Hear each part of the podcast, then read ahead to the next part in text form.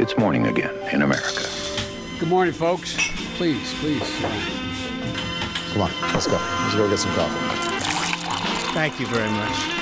Det er tirsdag 17. april, og morgenkaffen fra amerikanskpolitikk.no er servert.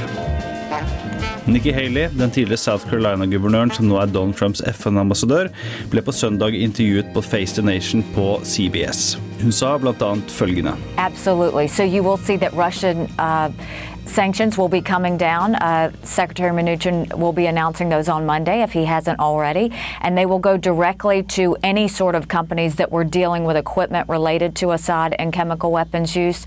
And so I think everyone is going to feel it at this point. I think everyone knows that we sent a strong message, and our hope is that they listen to it. Haley fikk ikke noe direkte spørsmål om det her, men trakk altså selv fram at det vil komme nye amerikanske sanksjoner mot Russland og mot selskap som da var innblandet i eller behandlet den type utstyr som ble brukt under de påståtte kjemiske angrepene i Syria. Det sies at Haley er en av de som har for vane å dobbeltsjekke at sine uttalelser stemmer med presidentens posisjon, før hun går ut i offentligheten med de. Men Trump skal ha fått kalde føtter eller ombestemt seg eh, i løpet av søndagen. Han skal ha snakket med sine nasjonale sikkerhetsrådgivere og fortalt dem at han ikke likte at disse sanksjonene ble introdusert på den måten de var, før han var helt eh, innforstått og helt bestemt på at det var riktig ting å gjøre. Haley kom ikke med noen klargjørende uttalelser på søndag eller etter den tid, eh, men Det hvite hus sier at hun da forsnakket seg, eller sa noe som ikke stemte. Eh, og det hele framstår som at Det hvite hus ikke helt var koordinert i den saken her, og som at de har ombestemt seg eh, i løpet av søndagen av en eller annen grunn. Og de som ønsker å se her at president Trump ikke er så tøff mot Russland som han gjerne vil framstå, har her eh, et godt eksempel.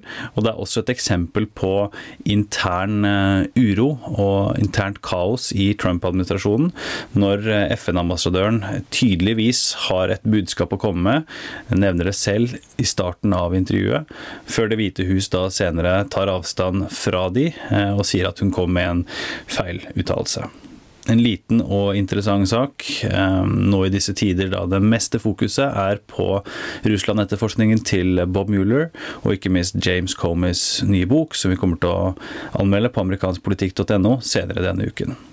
Dagens utgave av Morgenkaffen er servert av Oda Herje Kjempenes og undertegnede Are Togflaten. Du leser mer om disse og andre saker på amerikanskpolitikk.no. Dersom du liker podkasten her, så hadde vi satt stor pris på om det går på iTunes, skriver noen ord og gir oss så mange stjerner som du føler vi fortjener. Hyggelig du hører på, og så snakkes vi i morgen.